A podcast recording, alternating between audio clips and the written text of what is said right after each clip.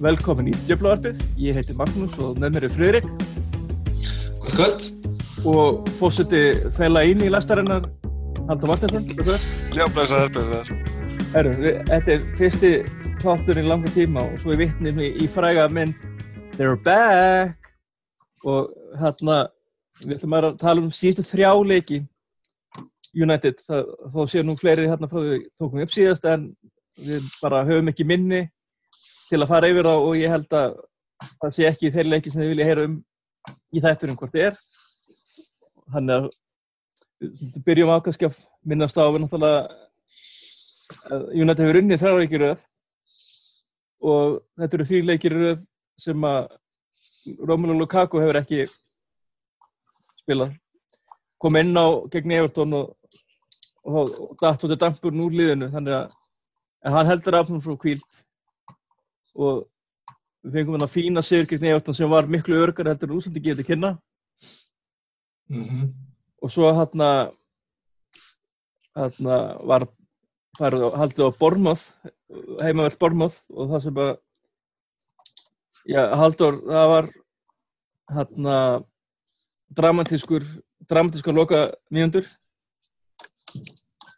Já, það er nú orðið svona bara eins og það sé orðin ákveðin hefð bara hjá liðinu. En, en þessu, þessu leik á góðan hátt. Ah, en, en það, það er náttúrulega sakar, það er ekki verða að vinna leikin í tíma. Það er verða að vera reyndur Já, ég, ég, sko, mjög, það, það er eiginlega orðið þannig að liðið er að fara að koma tilbaka allavega oftar heldur en að fara að missa svona á síðustu stundu sko. þannig að þessi Chelsea leiku var eiginlega það var mjög svekkjandi en það var kannski meiri svona, með við síðustu leikið það var meira undandekningin sko. Já Þetta var mjög, mjög sætt þarna í bólmóð og líka bara eins og þessi fyrri hálfleikum að bara eiginlega gæti ekki annað en bara svolítið, maður náttúrulega pyrraði með spilamennskuna og aðalega hugafæri hjá leikmönnum United en, en bara sjá þetta bornmóðlið, það var bara virkilega skemmtilegt lið, það var að gera góða hluti, þannig að koma svo tilbaka þarna og, og náttúrulega ég voru búin að jafna fyrir hálfleik sem var svona kannski, þú veist, ekkert endilega mest verðskulda sem að liðið hefur gert en, en hérna en svo var það bara na, seglaðin í lókin að klára þetta í uppbóta tíma það var mjög, mjög flott sko. Það var mikið rétt. Og svo ekki, þú er bara rosalega ánægilegt að sjá bara Marcial stíga upp, hann er bara að stíga alveg rosalega upp núna í síðustu leikim og, og er núna bara við höfum alltaf talað um hann að, að ákveðja leikmi væri hvernig bara orðið fastafenn og blada, hann er orðin einn af þeim frikið. Já, já, hann er, hann er búin að spila núna byrja núna sexleiki rauð sem að hefur ekki gerst ja, spurning hvort það hefur gerst oft þegar hann var, þegar Van Gaal var með hann en það hefur allan ekki gerst hjá Mourinho. Þannig að hérna, það er bara ánægilegt að sjá. Hann er að, hann er að finna sig, hann er að, að eiga bara flotta leiki, hann er að taka yfirleiki, hann er að skora bara mikilvæg mörg, mikið af þeim og, og, og leggja upp og svo er hann bara farin að sinna miklu meiri vinnu líka, hann er svona óeigingjarnari uh, ekki bara í sóknarleiknum, heldur líka bara að bara vinna mikið fyrir liðið, vinna varnavinnu, það er bara allt annað að sjá hann, það er bara, það er virkilega flott sko. Það er nefnilega mjög áhugavert með þetta tímbil að fyrir þetta tímbil þá voru margir búin að afskrifa Luxjó sem er bara vera heldur áfann bara, bara þegar hann er hett og þá er hann bara, þá byrjar hann. Já, já.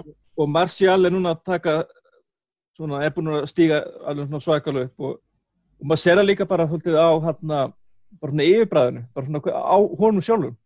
Já.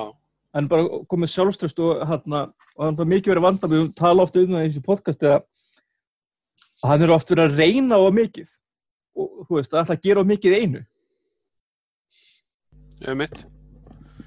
Sem er náttúrulega Nú er það endur náfram að reyna. Það, þú veist það er kannski endilega, ekki, ekki endilega sem það gengur upp, þú veist þannilega, en hann svona eins og veist, eins, og, eins og að ná leikið það sem hann byrjar vel og svo á hann líka leikið það sem hann byrjar kannski ekki eins vel en svo vinnur hans inn í leikið og ég, mér, ég er mjög ánægður að sjá það sko líka. Þá er ég svona fram á við og þá er hann að skila samt sko hvernig vinnu. Veist, að, við höfum verið að tala um þessar tí, típur sem að þú veist, eins og kannski það verið bent á með, með til dæmis Rashford að, hann kannski hefur átt svona upp og ofan daga fyrir framann markið en það sem var alltaf að treysta frá honum og er í raun ennþá að treysta frá honum er, er vinnuseimin og hann er hann hleypur alltaf mikið og hann er til í svona sína skítverkum. Ling, Jesse Lingard, annar leikmaður sem er svona taktist fylgi fyrirmælum þannig að jafnveg þótt hann eigi kannski ekki sinn besta leik þá, þá kemur alltaf eitthvað út úr því sem hann er að gera, eða íla alltaf. Þannig að Marcial átti, átti að til sko ef hann var ekki að eiga sinn besta dag og var ekki að finna sig, þá bara var hann eiginlega ekki að gera neitt gang, bara þú veist, þá hefur bara liðið alveg skilt að veri bara manni ferri, svona liggur við Já. þannig að það er allt, allt annað að sjá það núna því, að, náttúrulega sjálfströstið bara í blúsandi gangi en, en líka bara þetta að þú veist, það er, það er aldrei veist, leikmenn er ekkit, eins og sérstaklega þessi típur af leikmennum er ekkit eitthvað on alltaf og þá er bara spurning hvað eru þá að gera? Og, og, og, og það getur alveg skipt heilmiklu máli og það er bara mjög mikil munur á því þegar, að, það sem er að sjá frá honum sko, sem er bara frábært. Virkilega og, svo, og hversu mikilvægt var það fyrir hérna, Markus Rassvold að skora loksins og það sigumark Friki, þú hefur gefið boltan hans Já, það er alltaf gríðarlega gott. Hann er alltaf búinn að vera setja alveg, búinn að eiga sko dauðafæri hvað eftir hann sem hann hefur verið að slúta, sem hann hefur verið að klúðra alveg á alveg hróðarlegan hátt. Og en auðvitað alltaf þegar hún nærð, nærð svona sigumarki jafn mikilvægum leik eins og þessum þá ertu hann alltaf fyllist þér sjálfströyti og maður sér það alveg til dæmis eins og með Marcel eins og við komum inn á það. Hann skín alveg sjálfströyti á honum. Hann, það sem hann hefur kannski svolítið mikið fram yfir Rashford er að hann er miklu betri slúttir og það er eitthvað sem að hérna, maður, maður þarf að fara að sjá að sjá Rashford því að þú veist, hann hefur vinnu sem að fara með Marcel og, og þessi menn kannski vonandi eitthvað aðeins að breytast núna að hérna, maður sér einmitt eins og Haldur kom inn á að þú veist, vinnu sem hjá Marcel er, er miklu betri, hann er farin að skila sér veist, tilbaka og hann hjálpar til dæmis Luke Shaw rosalega mikið og maður sá það til dæmis í þessum Juventus-leik hann var veist, oft komin dottir niður fyrir hann og, og sko að kofara fyrir hann hérna á vinstri, vinstri vengnum en, en uh, jú, náttúrulega fyrir Rashford er veist, þetta er bara eins og fyrir alla framherja og það er skiptir máli að skora. Það er, er niðurdrifandi og erfitt að fara í gegnum heilu leikina og klúðara einmitt einhverjum þar sem komin einn á einn og getur gert út um leikin en reyndar gerði það líka í þessum júveik og hérna lit verja frá sér en en hann auðvitað, auðvitað bara líður hann bara betur fyrir fram að marki þegar hann er búinn að skora og þú veist þetta er alveg það sem vantar svolítið hjá til dæmis Lukaku og hann er náttúrulega ekki búinn að skora sjálfur í hafa þeirra stíð, mér langar ekki einu svona að rifja það upp. Þannig að auðvitað, auðvitað hefur það rosalega mikið að segja hvernig þú spilar inn á vellinu hvers, hversu mikið sjálfstöðst ert með. Hvort þú náir að, að skína og Marcel er að gera það núna og vonandi verður þetta til þess að Rashford verður líka að gera það bara ég þið bara tek undir allt sem þú segir hérna. En hérna en frá þess tókum síðast þá er liðið búið að spila tvísvar gegn Juventus. Og fyrirleikurum var ekkert til að hrópa húra fyrir. Og hérna og það er málega bara þakka fyrir hann hafi bara tapast 1-0 því að þetta var alveg, hann var alveg hróðalega andlus Old Trafford framist að þannig að þegar að flöta til leiks í gær í gærkvöldið þá ég, í gær dag var ég spurður af bara kunningja mínum hérna, hvernig, að, hvernig leikur fer og ég bara sagði bara, ég hef ynga tilfinningu fyrir því. Og ég var hérna með svona og þá var eiginlega bara þannig þangum til að leikur fyrir stað svo bara það var eitthvað svona bara þegar það var ennþá 0 og svona, ég hugsa, ok, við eigum alveg við eigum alveg sjens kom svo jafnteflinu þá. Nei, við myndum, getum jafnvel bara getum jafnvel unnið þetta. Unnið, Já, já, ok. Þú veist, það var alveg, þú veist, við vorum ekkert verri, þú veist, jú, þarna, jú, jú, en það fengur færi, en mér fannst Lindelof mjög góður, mér finnst Lindelof búin að vera mjög góður undan þetta leikin, menn eru rosalega fljótur að afskrifa, þannig að, þú veist, eins og Lockhurst og fleiri hérna, þessi blaðamenn og hérna Alex Sjó, hérna hjá hérna ESPN, þú veist, er náttúrulega selu smelli náttúrulega, þú veist, um dramatískar yfirlýsingar og, og svona hot takes. En minn, þetta er, ung- þetta er, ung- þetta er ungu leikmaður og bara Já, þú veist, hann er, alveg, veist, hann er búin að vera mjög, mjög solid í síðustu leikim. Það er mér, bara, hann hann er er bara búin að vera rosalega, hann hefur náð að mynda, veist, og, og auðvitað er náttúrulega Chris Bolling gaf þarna vítið um daginn og svona, og já, en klassu, þeir, eru, þeir eru greinilega að uh, mynda sterkasta miðvarðarparið okkar og jú, við erum reyndar ekki okkur ekki fóð að takast mikið að halda markinu hreinu undanfæri það er bara, ég man ekki hvernig það gerði síðast. En þetta er svona þetta er í rétta átt. Við erum alltaf, við erum alltaf það er svo langt sko, við erum svo langt frá því hvernig við vorum á síðastu sísoni þar sem við fengum á okkur hvað 27-28 mörg yfir allt tímabilið. Núna erum við konið með 18 mörg á okkur það tók, mann ekki hvort það tók 23 eða 25 umferðir að fá svona mörg mörg á, sí, á síðustu leikti við, það, er bara, síðasta leik sem að markatalan, markatalan fór í pluss 1 Já, markatalan, markatalan fyrir leiki gegn EFT eins og ég kom, upp, kom inn á hérna uppbytun fyrir leikin og hún var mínus 1 Já. Þú veist, hvað er langt sem við sáum liðið okkar með mínus einn í markatöru ég bara, í deild þar segja. e- eftir, og líka eftir sko, hvað, tíu leiki eða eitthvað? Eða tólf Já. leiki? Tíu leiki, eh, svo kom Bormáðleikurinn, það er ekki allir eftir leikurinn. Jú, jú. Já. Ég er að sko, þegar, þú veist, með, þegar alveg eitt fjórði búin að típila, þannig vennilega, liðið hefur nú kannski tapað í, þú veist, gett jættu kannski, tapað, þannig að það var frækt þegar að byrja hægt undir Ferguson á sínum tíma mm og þú og var eiginlega ekki, þú veist, það var ekki fyrir nöðu upp úr jólum sem að liðið fór að kikka inn, því að Já. þá fór svona rótenningin að skila sér og svona og segla. Já, en þetta er einhvern veginn, veist, ég ætla ekki að segja að sé alltaf lagast og, og, vera einhver poljana hérna, en veist, þetta er svona að þokast hægt í rétt átt. Veist, við erum að ná að hérna, binda sóknun okkur aðeins betur saman, hvort að það sé út af því að Lukaku er ekki lengur að starterinn hjá okkur, eða, veist, það er meira flæði og, og við erum að ná, momentumið er svolítið svo fóru valla að segja það en momentumið er virðist að vera svona aðeins byrjað að hallast til okkar. Ég meina við erum að vinna svona við erum ógeðslega óöfnir reynda náttúrulega í þessum Chelsea-leik, það var náttúrulega bara grín sem þarf ekki að ræða meira. En þú veist, við erum búin að vera svona svo nálægt í og svo emmitt að klintja svona á síðustu mínútu að núna á móti Everton og Bournemouth og náttúrulega núna í mestaradeildinni þannig að þú þetta er þetta er svona að byrja að lúka betur heldur en þú veist, fyrir mánuði síðan þegar við vorum að ræða það hvort að að Mourinho er ekki bara farin eftir helgina eins og í þessum njúkvæmstuleik ja, það, var bara, það var bara línan bara í hálfleik og bara, ok, þetta er búið. Já, ég meina, þetta 2-0 undir að heima á mútið Newcastle, auðvitað því að það verið flestir bara sammála, já, nú þarf að gerast eitthvað. Ég meina, gerðist eitthvað, en fyrri hálfleikunni þeim leik var líka, eða leit bara út okkur, bara liðið er hægt að spila fyrir hann. Það var bara nákvæmlega þannig sem leit út. svo kom eitthvað annað lið inn á í setnarleik og það er spurning hvort að það hafi verið einhver svona, einhver spark, einhver svona neisti sem hafi kviknað þar. Það hafi byrjað eftir svona smá, veist, lífs, eða, svona leikliði og, og, og einmitt bara svona trú á verkefnið sem er greinlega ekki búið að vera fyrstu nýju umferðirnar eða eitthvað svona. Nei, nei, en þarna, Halldór, þarna, við erum alltaf, við erum alltaf að tala um eitthvað svona, einhverja leiki sem einhvern vendipunkt eða eitthvað núna er þetta komið í gang og, og, og það verður aldrei, liðið verður svona aldrei læra almennilega af því þegar, eins og þetta er njúkastal, ok, þetta verður okkur nú, vita hvað ég er að gera, en svo bara, bara, repeat Já. og reyns, bara, reynsenni repeat.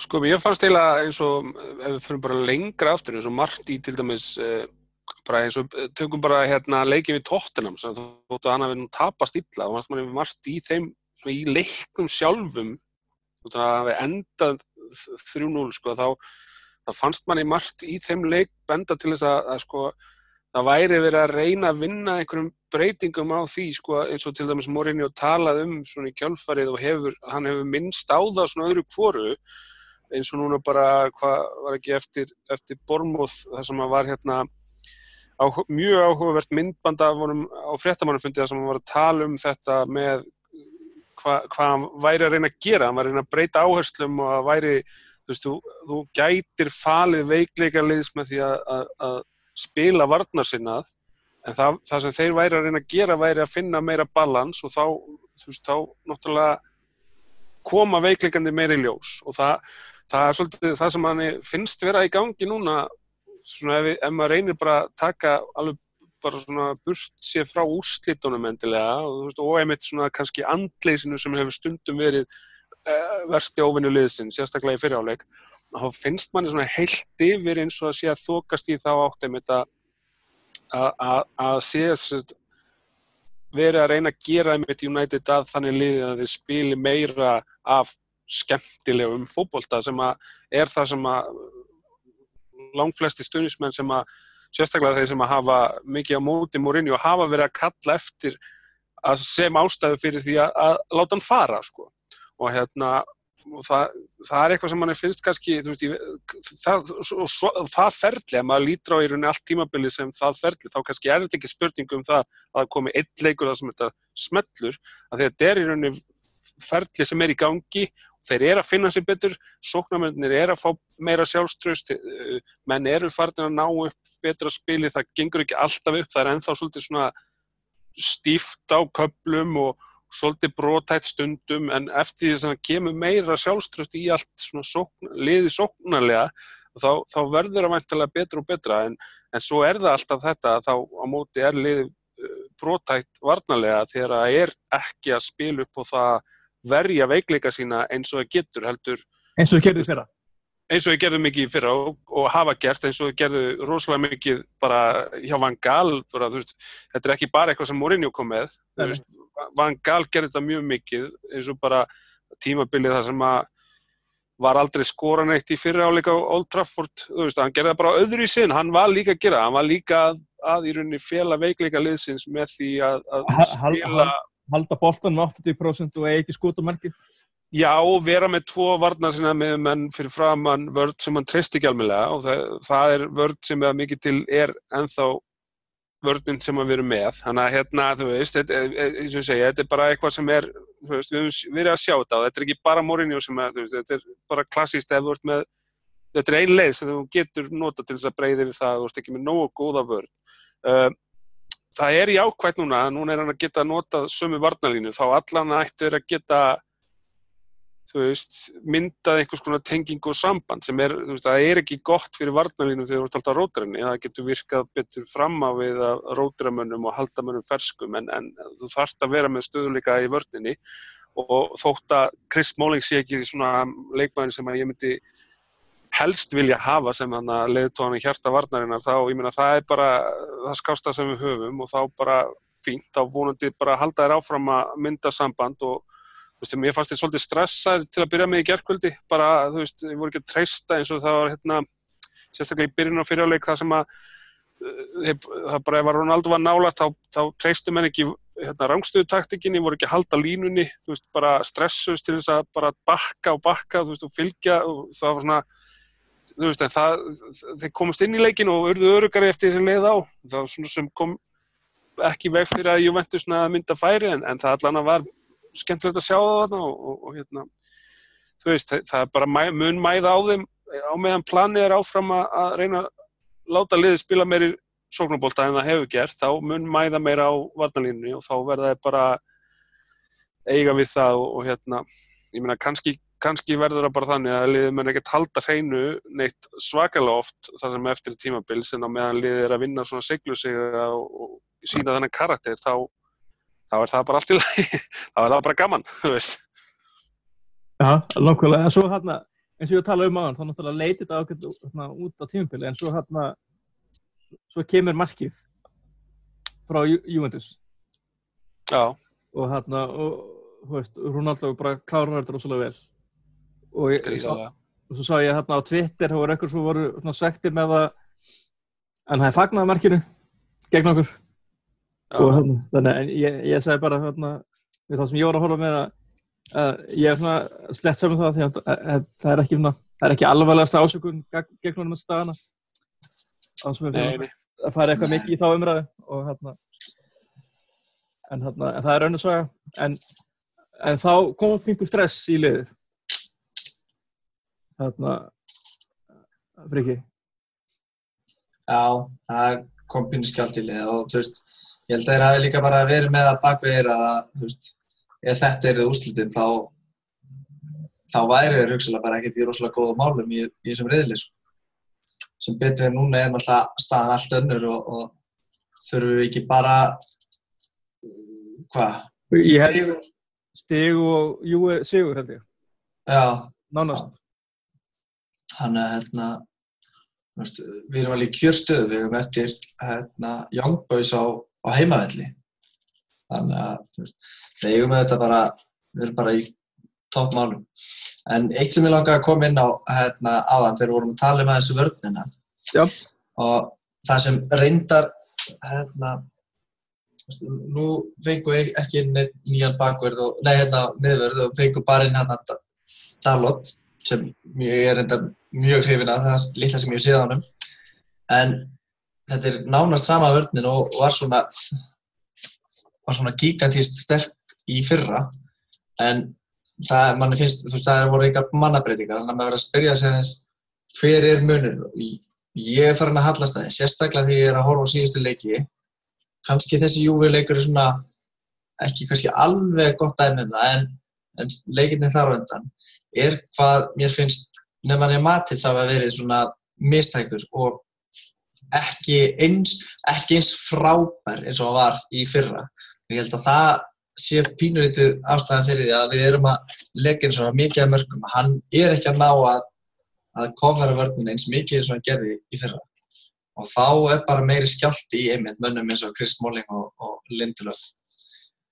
Já, Hann já. var, reynda, hann var reynda mjög góður í gær. Ég skal alveg viðkjanna það. Hann var hann átti, hann átti inni inn að góða framistu Já, hann átti, hann var konur ansi margar í rauða þar sem hann, maður var farin að, ég var alveg farin að hugsa til þess að hann er því næsti maður út í liðinu, sko. Að það þýrti að fara að gera eitthvað breytingu, gefa hann smá kvíld, þó Ég- það er ekki nefn eitt leikur. það væri meitt eitthvað sem kom með þann punkt á Twitter hérna bara nokkuð dögum fyrir leikin að þú veist, hvað, hvað er það sem að Nemanja Matic hefur fram að færa fyrir utan hæð sem að Ander Herr er að, hefur, ek- getur ekki búið af því að, af því að þú veist, fólk tala um hæðina hjá Matic en hann er náttúrulega, það er, það er ekki nýtt hvorki varnarlega nýrsóknarlega Nei, Ég held að hafi meitt munar rosalega miklu fyrir Matits að hafa Herrera við hliðin á sér í gær sko. Ég held að hann hafi komið, að því að Herrera var frábær í þessum leik og hann hann var bara kom, geggjaður. kom með bara svona eh, virkilegan mótor inn á, inn á þessa miðju og ég held að það hefur svolítið svona uh, losa svolítið pressu af Matit sko að hann gæti verið svona þá einbeitt sér að sinni rullu og, og, og, og svona fundið sér betur í því að, og þá er mitt gætt Pogba líka, hann reyndar nýtti það ekki eins vel en hann, hann hefði þá í rauninni geta fengið frelsi til þess að fara meira fram og verið veri meiri, veri svona virkari í, fram á við og í sókninni. Ég hefði í rauninni viljað sjá Pogba fara bara mjög reglulega inn, inn í tegina því að það sem að vantaði kannski svona í þessum leik var þegar United var komin í álitlega, álitlegt færi út á kantana þá var enginn til að gefa fyrir það því að Sanchez var yfirleitt aðleitni í tegnum og, og ekki var hann að fara að vinna skallabolta gegn, gegn hérna, Chiellini og Bonucci sko. Nei, en, en, en, en, ef að Pogba, Pogba hefði komið á ferðinni á fjærstungina eða eitthvað, þú veist að hann hefði getað mögulega all, allavega valdið þeim vandræði með að, svona, að þeir þyrfti að fara að hugsa málinn sko. Þannig að ég svona vilja sjá það aðeins meira en, en hann var svona stundum eins og hann vissi ekki almennilega hvað hann ætti að vera eða hvað hann myndi nýtast best en hann gerði, þetta með fræga þrjútvöleiknum gegn City í fyrra Já, akkurat. þá gerði hann akkurat. það tvis og Algjörlega. skoraði, til- skoraði þannig að Já, mætti gera meira af því, sko, sérstaklega þegar miðjan er þessi og, og, og, og nýjan okkar er Sanchez, þá, þá eiginlega verður hann að gera meira af því, sko, finnst mér. En, en s- talandi um að Sanchez, mér, finnst hann koma mjög sterkur inn um sem þessi. Hann reynda að var náttúrulega svolítið, hann náttúrulega gerir svolítið að því að droppa svolítið djúpt og sækja boltan. Já, hann gerði er ekki- komið hann er líka komið með áhugaverð hlaup eins og bara Já. líka í leiknum á móti Bornmoth, þú veist, þegar hann hérna, leggur upp jöfnunamarkið og veist, hann, hann er að gera, taka öðru sér hlaup heldur en til dæmis Lukaku og, Mhm. og svona valda öðru í sér vandræðum og ég bara, ég fíla það sem hann er að gera sko, í þessari stöðu en að, eins og maður var búin að sjá í sumar þegar hann í, í hérna, undirbú, á undirbúrstímbilinu þá voru bestu leikindina sem voru mitt þegar hann fekk að vera fremsti maður eða sem sagt, þarna upp á miðjum vellinum í staðin fyrir út á kanti Já, og hann og, og hann Matta einmitt áttu ansi gott link-up-play einmitt í, á undirbúinustímabilin, ég manni til því. Já, akkurat, akkurat Já, og, og hérna, það var, var hérna síðan óvænt hérna auka finnumark frá Van Mata og hérna sem að United tuti hérna eðilöðu fullkominn orðuleikja mér hérna, ég var nýbúin að, ah, stæni Juan Juan hérna. Eftir, eftir ykkur og Mata, svo bara, svo eðileikja með því að komast yfir Æj, æj, Ah, og, og sko Juve sem var ekki búið að, búið að halda hreinu, veit ekki hvað marga leiki fara þessu tvö mörg og hafa ekki ta- og var, var ekki annarkvar eitthvað með eitthvað törfum það hvað langt sinni að töpuðu síðast mistaldaleik á, á heimaði. 15 ára eða eitthvað. Já, sko, þeir, það var, þeir töpu fyrir 15 árum gegn United, síðan þá hefur þeir held ég bara tapað einum heimaleik í riðlakeppninni í meðstæðildinni, Já, Það er magnað. já, á heimavelli, sko. Þannig að, hérna, þannig að þetta er ekki eitthvað sem gerist á hverjum degi. Nei. Og þetta var mikill karakter og, hérna, og líka hvernig liði hélt þetta út. Já, Man fannst Mhm. eitthvað með, já, þetta er fyrir talað fyrir mig, sko, mér fannst aldrei eitthvað með líklegt að Juve myndi jafna. já líklega er að, að United kemist í, í 3-1, Ah, það er sem Rashford Rashford hefði- sig. Já, hann hefði bara Já. ekki sett henni í löppin á. Martial, Martial einmitt gerði mjög vel í því þeirri skyndi svo sen, sen, svona bar boltan Já. upp senda hann á hárréttum tíma, mjög góð sen- stungusending þetta var bara virkilega vel gert hjá hún Þetta, þetta var en þetta var ekkert, sko, ég sá hérna menn voru eitthvað, hérna, þetta var ekkert slæm, sko, Nei, alls ekki sko. Hann bara gerði sér rosa stóran og, og hann vera hann alveg bara með eila öklanum með sköflunum sko. að við kannski voru hefnir að það var Arsenal maður í markinu hann hann Arsenal aðeins leikin fyrir það Mm. en hann að jú, þetta voru þrjú mikilvægt stig og algjörlega svo komst þetta og breytir myndinni í leiknum, nei í riðlunum Mm. af því að núna allinu er bara vinna Young Boys Það sem- voru komin áfram. þá, og við, við, við ættum að gera, að gera ráð fyrir því að Jú myndi reyna allt til að vinna Valencia, það er ekki sem geta endilega gefið en Nei, Þeir fljó- Þeir vilja örglega náttúrulega fá eftir sætið í riðlinu, þannig að þeir hljóta vilja. Er þeir ekki bara einu stíu undan okkur núna? Er við ekki með 8 og þeir með 9? Ég held það. Ég, ég líka vilja ekkert vera eitthvað að tapa fleiri stigum á heimavilli ég held að það sé alveg, Já, Nei, alveg ljóst sko. Já, ég er Valencia á heimavelli. Já. Já, já, já. En það betra fyrir okkur. Já, Já, United, við erum tveim stugum eftir, við, hérna, við erum með sjö steg og Jú er nýju. Mm, já, alveg rétt. Þannig, en, en, ef við, en ef við vinnum Young Boys og Valencia vinnur Juventus og þá erum við að tala um tíu steg, þá förum við steg yfir, en ég held að það sé ólíklegt. já. Já, ég hugsi, láti þetta ekki koma fyrir aftur. Og það er líka, ég held að það er líka bara mjög gott að þurfu ekki að fara í, fara gegn Valencia og ná í ykkur úslit.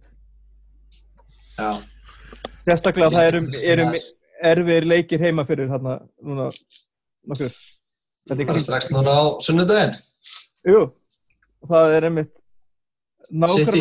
Nákvæmna, slagur að bestu svartpa Já.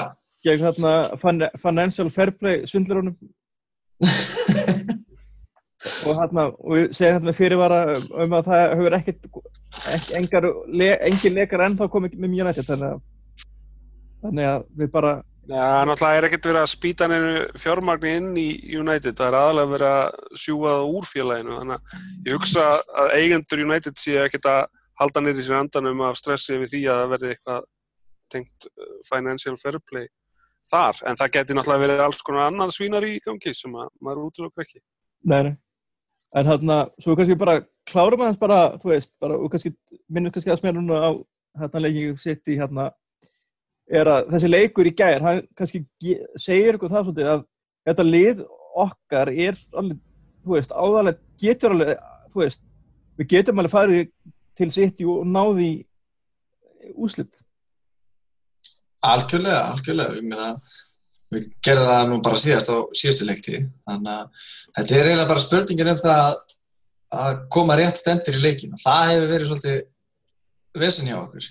Menna ekki mætti kannski fyrirháleik og svo allt í hennu bara herði já, við erum að tapa hérna fyrir einmitt, Newcastle eða Ég var til þess að liðið spila bara leiknum bara svolítið eins og ég ger. Ég, Já. Ég hugsa að ég væri til að, ég, ég vil náttúrulega bara sem varnarlýrna. Klálega, ég vil herra erra áfram. Já, saman því. Ég vil mata, Mhm. hérna, ekkert endilega byrjunlega, bara að hann fái allan að hálftíma. Ég held nefnilega, hérna, en það er endar, ekki að fara meira í það, að það er, með tökum spurningar og eftir það náttúrulega er aðeins, kemur, kemur að sinna það, geymum það aðeins. Já, þetta er líka bara spurningum sko um að, þú veist, eins og, veist, eins og þessar skiptingar, allar þessar þrjá skiptingar í leiknum móti Juventus, þar, þar höfðu svo jákvæð áhrif að, að það er ekkert víst að myndi sko endilega hafa sömu áhrif að hafa til dæmis mata í byrjunarliðinu eins og bara áhrifin þegar hann kom inn eftir að, þess, fyrst náttúrulega sett hann hann að Rashford inn á, það var svona skiptingar sem eiginlega þvinguðu Juve svolítið til þess að setjast aftur af því að þeir þeir svöruðu því með því að setja inn sko þriðja miðvörðinn og þeir, þannig að þetta var svona þú veist, þetta var svolítið áhugaverð skák þarna eh, sem að átti sér stað þarna upp úr miðjum setniháleik þegar menn fóru að skipta og, og, og bara hva, hver, hvernig hvernig menn svöruðu skiptingum hvers annars og, og þarna eiginlega kom bara Mourinho on top sko bara skiptingarna voru spot on bæði svona hverjir kom inn á og líka bara tímasettingarnar og, og það þannig að þetta er svona, þú veist, auðvitað er alveg góð, góðu punktu með það hvort að mann, Juan Mata ætti skilja að, að byrja, þú veist hann hérna flottu leikmaður og svona en, en, en svo getur líka bara verið frábært að hafa hann til að koma inn á og taka einhverja góða aukarspinnu þannig í lokin eða þú veist, hvernig sem það er. Eða setja hann einmitt, hann og Rassut inn. Það bæði eftir, eftir komið hraðan leikmann og leikmann sem getur fundið hann þegar, Já. þegar er, liðið kannski hlaupaði hans og svona er kannski, já. þeir eru ekki er alveg til klaufaskapur í þessum mi- miðvörðum hjá City þeir eru ekki, Já, já. þeir eru ekki yfir minnstu kapnir Nei, nei, nei. Þótti séu þetta búin að vera alveg frábæri núna á þessu tímabili en þá, ég meina, þú veist, eh, það sem þeir líka vita, ég meina, það sem að lið vita núna, það sem að, veist, lið sem eru búin að fylgjast með boltan vita núna að United hefur þennan karakter bara, herðu, veist, ok, þeir eru, þeir eru aldrei búin að gefast upp. Og það hefur rosa mikið að segja, að, veist, það er bara, sitt í mann eftir í því fyrra, bara, já, ok, þeir, veist, þeir eru ennþá í þessum gýrnum, bara horfa á síðustu úrslit, bara, já, ok, þeir eru í þessum gýrnum ennþá, að, hérna, við, þeir voru svoleiðis bara, Manchester City var að nota United sem bara svona boxpúða í fyriráleik í, í þeim leik, en þeir náðu ekki að klára þá bara, er sorry þá bara tapið leiknum, þú veist, þeir eru ekki búnir, þú veist, nema þeir klári leikinu Juventus lendi í sama og þú veist, þetta einu, einu sinni ef þetta gerist einu sinni, þá er það getur það mögulega verið afskrifað sem hefti þetta gerast aftur og aftur og aftur, þetta er ekki tilviljun. Og það er bara frábært að sjá. Það er mjög áhugavert að sjá það veist, að það sé komið þessi karakter inn í lið og það er bara frábært. Já, þetta, þetta er hérna svolítið eins og hérna eins og í endanum að Vensis þegar Þór hérna kemur með X-ina hérna í brjóstið á, á Thanos en, en hann segir að þú hefur þetta mjög á hausinn það er svolítið United þú veist, ef þú Já, já, mitt. Ég var alveg að sjá hvernig þú varst að fara þetta var mjög gott, já. Þetta er spot on, sko. Þannig, og, og ef ég hekk, þú veist, og þetta, þetta spoiler fyrir Avengers, þú veist, og ef þið er ekki búin að sjá hana, þú veist, bara fuck you, hún kom út fyrir halvu ári, þannig að ef þú ert ekki búin að sjá hana, þá viltu ekki sjá hana. Já, En hérna, Halldór, svo önnur, önnur, önnur tilvitnur sem er hérna, if you come for the king, you best not miss. jú, jú, Mm, Já, ok. okay. við hérna, við hérna, verðum við næstu viku með fleiri tilvæðnir, já, mögulega, leiður.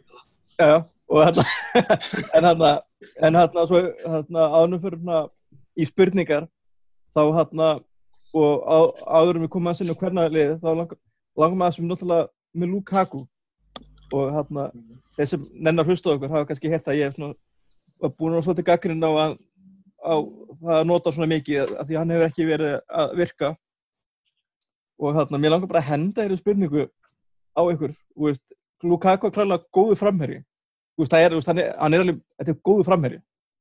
Það, ég held að það sé ekki spurning. En ég hef þetta spurt svona, og hef svona í kjölfærun og hvernig liðið hefur spilundafærið, er hann, getur verið að Rashford sé bara hendur og framherri fyrir, fyrir, þú veist, fótbolta sem að Mourinho vil spila með United. Þú byrjuð þegar fyrir ekki, hvernig, hver er þín svona tilfinning? Sko, það sem að Lukaku gerir, það sem að hann, hans leikur, hann, hann skila því rosalega vel. Það, þú veist, það sé hægt að húra upp á hann og hann heldur boltanum vel og leitar, veist, út hæra meginn og, og, og býr alveg til pláss. En það er eins og þeir sem er að spila í kringum hann, hvort sem það er Sanchez, Rashford, Martial eða hver sem er, þeir eru bara ekki einhvern veginn alveg að ná ná að stilla sig inn á veist, stilla strengið sína saman sko. Mér fannst það, þú veist, eins og í fyrra þá var Ant- Anthony Martial og Romelu Lukaku alltaf einhvern veginn fannst manni að, að finna hvern annan. Það hefur einhvern veginn ekki verið keisi núna. Jáfnveil þó að hérna, Martial sé byrjaðar að skína svona. Hann er ekki búin að vera að spila Lukaku er náttúrulega ekki búin að vera í hvað þrjú, þrejum síðustu leikjum. Þannig að já, það getur verið en þetta er samt auðvitað rosalega, rosalega góður framherji. En það er spurning hvort það sé hvort við séum einmitt að að hann að spila honum í einhvern veginn kerfi sem er ekki að henda honum. Ég meina, við sjáum það með Belgi þar sem hann er að skora alveg vilt og galið. Og, og hann er ekki að skora á móti lýlegu liðunum þar bara. En svo e e e eiginlega. Það var einmitt, tísta sem að fara yfir liðið sem hann hefði verið að skora gegn það var, var Sviss og Ísland og eitthvað en- ekki svona stærri Ísland er ekkert lélitt lið já við sko með þannig að segja að við erum ekki við erum ekki Við erum ekki kannski alveg aðna uppi, nei. En Nei. Við erum kannski ekki alveg heima í aðtæltinni. En, en einhvern veginn, mér finnst, mér finnst þeirra, sko, sárast að sjá hvað, þú veist, Sanchez og Lukaku hafa ekki náða að klikka saman. nei þeir eru með bara, bara eiga ekki bara geta ekki spilað saman Það, að ég farin að spæði, sko, hvort að sé, er, verður að vera þannig að við spilum annarkvort Sanchez eða Lukaku. Ekki endilega að við þurfum að spila þeim í, að því að Sanchez þarf að spila frammi eða að því að, Marcel er að briljera vinstri eða eitthvað svo leys. Heldur, það er bara eins og dýnamíkin sé bara ekki, einhvern veginn ekki að smetla. Og þú veist, við sáum það, við sáum nokkur sinnum í, til dæmis Júveleiknum og, og Bormáttleiknum og Evertónleiknum, þar sem að maður sá svona alveg briljant svona einna snertika spil hjá United, bara bæði vörninu og alveg sko á alveg hinum inn í sókninni líka. Og það er eitthvað sem að maður sér ekki þegar að Lukaku er fremst sko. Auðvitað í vörninni en, en ég er að segja, veist, þegar við erum í blúsandi sóknabólta þá einhvern veginn finnst mér boltistundur svolítið deyja hjá honum. Það er kannski flott spil, best á hann og hann næri ekki þessu hann er eins og að sé ekki alveg með uh, hann er ekkert með uh, besta first touchið í, í bransanum. En það er eins og það hægist rosalega mikið á spilinu þegar Lukaku er á vellinu hvort sem það er út af því að það er lagt upp með því eða, eða hvað sem er. En mér finnst einhvern veginn það vantar að finna veist, hvernig við getum spilað Lukaku sem svona targetmann þannig að sé flæði í, í að veist, þetta er að virka miklu betur með, með Sanchez hérna fremstan og annarkort Rashford og, eða Marcel, eða Marcel Rashford og Lingard einhverja blönda þeim í kringum hann. En þarna, Haldur, þarna, svo hérna ekki þér nú- núna smá tíma til að bara segja, segja sem þú vilt, en hérna, það er eitt punkt sem ég kannski kom inn og ég sé þú talað um það hann, hérna, fyrir þetta tímabili að hann sé búin að stækka eins, eða þú veist búin að, eins og hann hafa verið að bölka sig hans upp að spynna hvort að, en það getur verið það sem er að kannski komast þetta niður á, á hérna, hvernig hann er að spila, hann sé kannski bara ofslugsa, svona sé bara óþungur, eða þú veist ekki feitur heldur bara Já, Þú veist. sjá, massaði bara, Já, já, já, ég meina það er náttúrulega þingsli sem fylgja þessum vöðvum og að sjá bara hvað var ekki í dag eða í gær að, að Sarri er vist búin að banna mönnum að lifta eitthvað að ráði sko, menn eða bara að gera náttúrulega ræfingar og ekkert vera að lifta hennum auka þingdum eða lóðum. Það er áhugaverð pæling sko. Ég, hérna, ég, það gæti alveg verið. Maður hefur séð að líka var ekki hérna, Memphis Depay eða einhver sem að allt í nú var miklu massari. Þetta er alveg getur vantilega að hjálpa mönnum upp á marki svo fer þetta að vera bara, þeir eru einmitt of þungir og, og kannski veist, ef, ef þetta er ekki rétt, rétt tegunda vöðum og líka bara hvað ert að gera, hvað viltu ná fram með þessu, af hverju viltu verða sterkari og hvar viltu verða sterkari? Uh, Þarftu að vera sterkari? Ertu ekki nógu sterkari? Já, ég, svo sem veit ekki, það getur vel verið, ég bara, ég, ég horfið samt alltaf á það bara, þú veist, hvernig er hann með belgiska landsliðinu? Þú veist að segja að hann kannski hafi ekkert endilega skorað gegn best, stærstu landsliðunum sem er, þú veist, ég meina Sviss er frábært landslið, hann, hann skoraði bæða mörkin í, í 2-1 sigri bara í síðasta landsleikja hlýja gegn Sviss. Þannig en, en jújú, jú, en, en svo bara ef við tökum bara hvernig hann var með belgíska landsliðinu á HM þar var, veist, hans leiku snýrist ekkert bara um mörki sem hann skoraði, þóttan að við skoraði alveg hvað var að sex eða eitthvað á, á mótinu.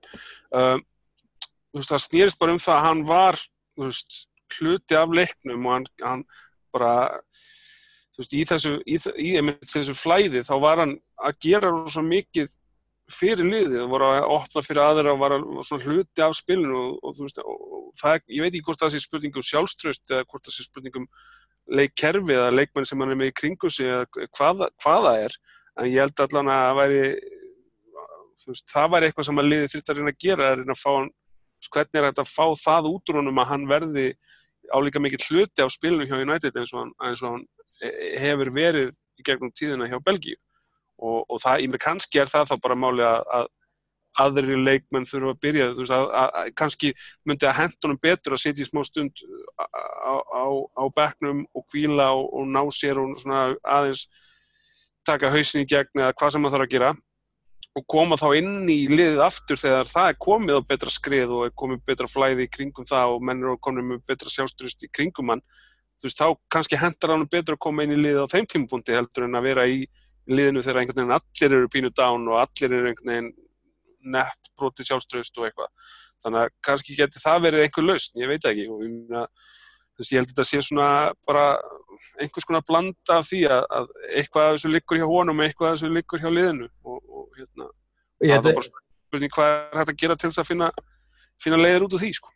Já, með nákvæmlega, er náttúrulega kannski bara, þú veist, það gæti bara verið hérna bara, þú veist, það var alltaf mikið tala um það að þetta fá heina þessa leikmenn og, og spila eitthvað nákvæmlega hátt til að opna fyrir Pogba, til að Pogba, og það spurning hvort að það bara, þú veist, að, svo, áherslu bara komið þetta niður á því, niður á 70 miljónum punta framhörðunum okkur sem að kannski, þú veist, það er kannski líka þú veist, það er kannski líka kannski svolítið að hugsa um að opna fyrir hann og spila upp á hans styrkleika og, og það kannski já, bara... Já, já, það var einhver, einhver sem sett á Twitter um daginn einhvern svona tölfræði pakka þar sem að fara yfir alls konar svona tölfræði þætti. Og það kom náttúrulega fram svona... Já, ég langaði með þetta að spyrja þetta, þannig að gott að komst þetta á. Já, kom, kom svo ímislegt áhugavert fram, eins og til dæmis svona kannski svona, sömt var mjög lítið óvænt eins og það að flestar sóknir United fara upp vinstrakantinn. Og það er engar hægra menn eiginlega engar. En, en svo var það sko áberandi hvað United var slagt í fyrirgjöfum. Og ég held að það er að vera í átjánda sæti af liðunum í deildinni og það eru fyrir, fyrir þau sem eru búin að gleyma því það eru 20 lið í deildinni þannig að átjánda sæti er slagt átjánda sæti yfir sérst hefnar fyrirgjafir. Og þegar þú ert með framherja eins og Lukaku og ert ekki með fyrirgjafirinlagi þú veist, þá ert að taka svolítið stóran hluta frá honum þar sem hann geti nýst vel. Og það er eiginlega bara fárulegt að það sé ekki hægt að gera það betur. Já, það er þá fárulegt að vera með engan hægri með sem getur gefið fyrir með hægri Já, líka bara ef hann getur verið bara, þú veist, að lörka inn í tegnum og verið að valda mönnum vandraðum og verið bara, herðu, ok, það er að koma einhver geggjum fyrirgjöfuna, þú veist, bara að vera tilbúin þá líka stressast vörninu upp og, þú veist, ef að vörnin veit það bara, já, þú veist, þeir kunni ekki að gefa fyrir, þetta er allt í lagi, þá er þetta bara, þú veist, þetta er allt annað leikur, sko. Þá þarf hann að vera að droppa meira og, þú veist, þá þarf hann að vera að taka þátt í einhverju sem hann kannski þú veist, gæti gert ef hann væri með sjálfstrust en ef það er ekkert sjálfstrust að hann er ekki að skora þá hann er verið með að þú veist, þá, sest þetta á hann ok, ég er ekki með neitt first touch og ég, veist, þetta er svona byggist upp á sig og meðan ef hann væri alltaf að fá inn eitt og eitt svona auðvelt þú veist, góð fyrirgjöf, skalli, mark, auðvelt, svoleiðis mark, alltaf reglulega, þú veist, það myndi segja svo mikið, þú veist, og þú veist, ég bara fatt ekki, akkur ekki að þú veist, ég ætti ekki að kenna þessum gaurum að gefa alveg fyrir, maður. Ég, ég var einmitt þarna, einmitt talandi talandi fyrirgjafir. Ég horfði sérstaklega eftir í leiknum í gær og þá var hérna einu, einni sókninni þarna hægra með þegar Asli Young er annars bara með fría fyrirgjöf og hann gefur yfir veist, Asli Young sem á að heita sko okkar besti fyrirgjöf við hefum bara það, það vantar svo mikið þú veist, fólk menn sem geta gefið fyrir og, og þessi vinstramenn þurfa alltaf að fara yfir á hægri fótinn og, og þau hafa komið búin að fara, þú veist, stóð að gera það ofta þá er vörðin bara búin að koma sér fyrir. Og, te og tekur allt svona spontanitið, þetta er vantar líka hægri menn, við höfum ekki haft það almenlega þegar, þú veist, þannig að maður horfur bara svona grátandi náttúrulega svona ekka tilbaka það á hægri vangin United sem var Dave Beckham og Gary Neville. Af því að Beckham alltaf frábær og, og Neville í, hérna, í, sem tók hérna overrun og, og hérna og gæti líka geð fyrir. Já, já. en náttúrulega en ég held, ég bara er á því að núna ég held að Asli hérna, Valencia sé bara búinn. Ég held bara þú veist, þannig er þó, er þó skári en Jóng hægra minn ég hérna, þú veist, það var eitthvað tala um það að það, þú veist að Mourinho væri komið nóga á hann hérna Valencia. Og hérna það er spurning hvað það við fyrir bara hreinlega að fara að sjá bara Jeppa og Diego Dalot bara. Ég held að segja ekki langt í að við fáum að sjá hann kannski fá að byrja leiki. Nei, það er bara fínt, ég held að það sé bara, einmitt, óheppin að hafa lengt í þessum meðslum, annars væri hann örgulega búin að eiga fleiri mínundur og fleiri leiki.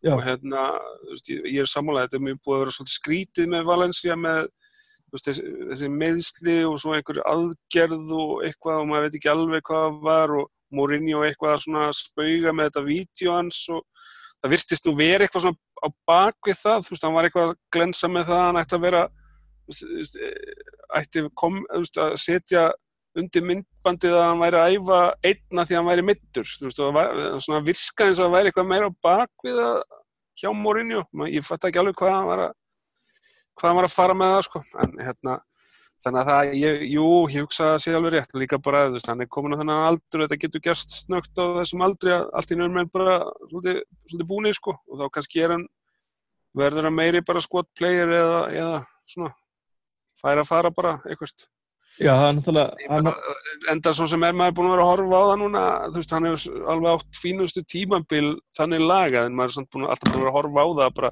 það þyrti samt að uppfæra þessa stöðu að því að meiri sér, meiri sér á hans bestu tímabilum sem bakverðu þá er hann samt alltaf uh, einhvern veginn sínt manni að hann er ekki bakverður upplægi þannig lagað sko. Nei.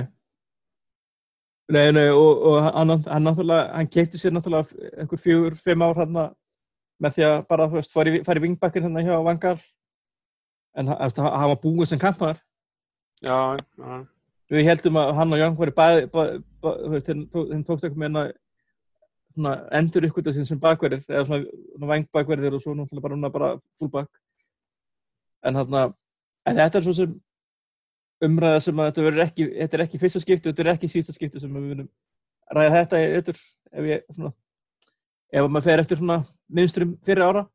En þarna, svo fyrir mig þetta bara svona skemmtilega staðarinn Halldór svo gefum við aftur á því að þá er hérna hvennalið okkar, bara við vorum bara að tala um það hérna, síðastu, síðastu fjöllum um það. Að Já. það ætti nú eftir þessum stóru liði í dildinni og Tottenham. En, en hérna, þeir ekki lengur eftir að spila á Tottenham þannig að aðeins Nei. frá, frá, hvernig svo viðræk fór Já, svo, ef- síðast þegar við vorum að tala saman þá einmitt, var ég að tala um að, að væri áhugavert þegar liðið færi að mæta liðum sem væru efst í deildinni eins og Leicester og Tottenham. Átt, liðið átt að spila við Leicester einmitt þarna, það var næsti leikur á eftir en, en sérst, sá leikur átt að fara fram á sunnudeginum eftir þyrluslýsið. Þannig að af augljósum ástæðum og mjög skiljanlega þá var þeim leik frestað. Og hérna, þannig að sérst, þannig að United hvernig liði á sérst eitt leik inni þá núna en, en svo var næsti leikur þar á eftir var heimaleikur gegn eh, toppliði Tottenham sem var búin að vinna alla leikina í deildinni þegar, þessi leikur fór fram. Og voru sérst með átján stig eftir, eftir hérna eftir sex leiki.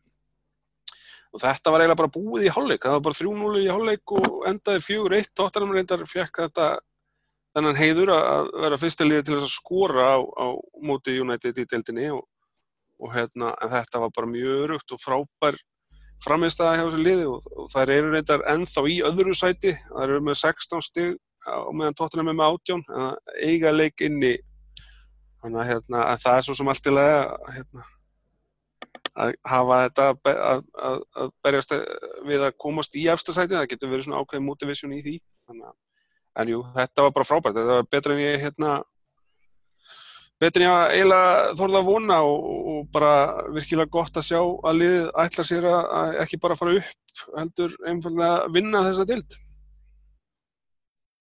Frábært, herru, hérna hvað segjum að taka hérna svona, þetta er orðið hérna lengra heldur en byggust við en það sem gerist þegar að þegar það er svona senegangur í og vissin okkur að, að stilla saman strengi okkar en hérna hvað segjaðu um að svara einhverjum velu völdum spurningum? Til í það. Algjörlega. Ok, hérna Haldur, þú ert náttúrulega bara, þú ert bara on fire, þú fyrir bara að halda áfram. Já, já. Hérna Sigmundur Sigurgesson sendur okkur Facebook spurningu. Í hverju félags meðsins sem hafa haldið fella einni frá? Og er það þess aðeins að þessu líklega að taka svo upp aftur?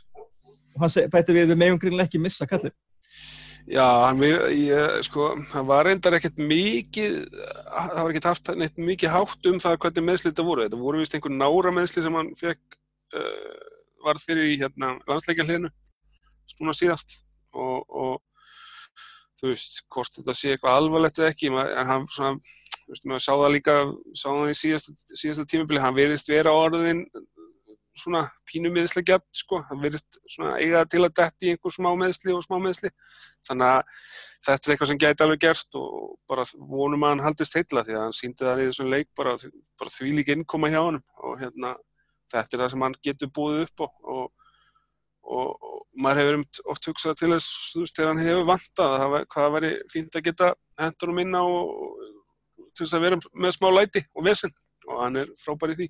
Sást líka bara veist, í þessu sigumarki þegar hann veist, það kemur boltið aðna frá stórvinans Asle Jóng sem hefur nú gefið ófáður hérna, stóðsendíkar á, á kollin ánum að, að þú veist hann var aðna með þrjá Juventus-leikmenn í sér þar á meðal Chiellini. Þeir áttu ekki sjans í hann. Það bara segir svolítið mikið um styrkleika hans í loftinu. Þannig að ég er svona, eins og segi, ég vona að það sé búin að jafna sér alveg en, en ég, maður svona óttast að gæti, þetta gæti alveg verið eitthvað sem að gæti orðið þrálátt bara en, til með þessu en kannski náttúrulega, ef hann er bara notaður eins og hérna, setja inn á síðan trubla og það kannski geti hjálpað. Jújú, jú, það er rétt, það er rétt. Nota hann bara skynsalega Þannig að Arda Freyr spyr hérna af hverju er enginn að minna svo slemt gengið Liverpool? Þrýr sigrar í síðustu nýju væri við ekki teknar að lífi fyrir svona framlistöðu Já, ég meina er það búin að vera eitthvað þú veist, er þetta bara eitthvað slemt gengið? Er þetta ekki aðalega einhver meðstældildar töp. Þarna og einhver jættefli gegn hvað? Arsenal og eitthvað, þetta er ekki, ekki eins og það hefur verið að drullu på bak sko. Nei, er ennþá tablausir í deildinni? Gerði jafntöflu við Chelsea og gerði jafntöflu við uh, Arsenal. Arsenal, gerði þeir ekki eitthvað annað jafntöflu líka? Er ég að ruggla? Gerði jafntöflu við City. Já. City, Chelsea og Arsenal ekki? Já, það er nú ekki ríkalega jafntöflu sko, svona þanniglega Nei, það, ég held að ég sé samt aðalega kannski það, þú veist, eins og margir, ég veit, maður hefur séð marga púlar að þeir eru orðinir svolítið pyrraðir á framistöðunum, frekar heldur en kannski endilega úrslitunum. Þeir, ég er náttúrulega töpuð í það fyrir Napoli, þeir töpuð fyrir Rauðu stjórninni, þú veist, þá er svona útivalla tableiki, þeir hafa kannski svona verið aðeins meira ósanfærandi í nokkur leikjum heldur en kannski púlarar eru farin að venjast. En þeir er náttúrulega fættin að skora miklu minna. Þetta eru ekki alveg í bara þetta. Sala er ekki fara í ykkur 40 mörg á þessu tímabilið held ég. Nei, nei, hann er orðin svona praktískari hann klopp og er farin að gera breytingar í leikjum og svona maður sá það í þessum jafntöflisleikjum, í þessum stórleikjum og, og, og það var svona reynda mjög áhugavert í þessum 0-0 leik hann að Liverpool City að þá sá maður báða stjóra að vera svolítið svona eins og það væri aðeins farin að þroskast upp úr því að vera endilega bara gang-hó alltaf og þú veist, þú voru sátti bara við að taka praktísku leiðin og þykja jafntöflið, þannig að þetta er svona, áhugavert að sjá það, sko.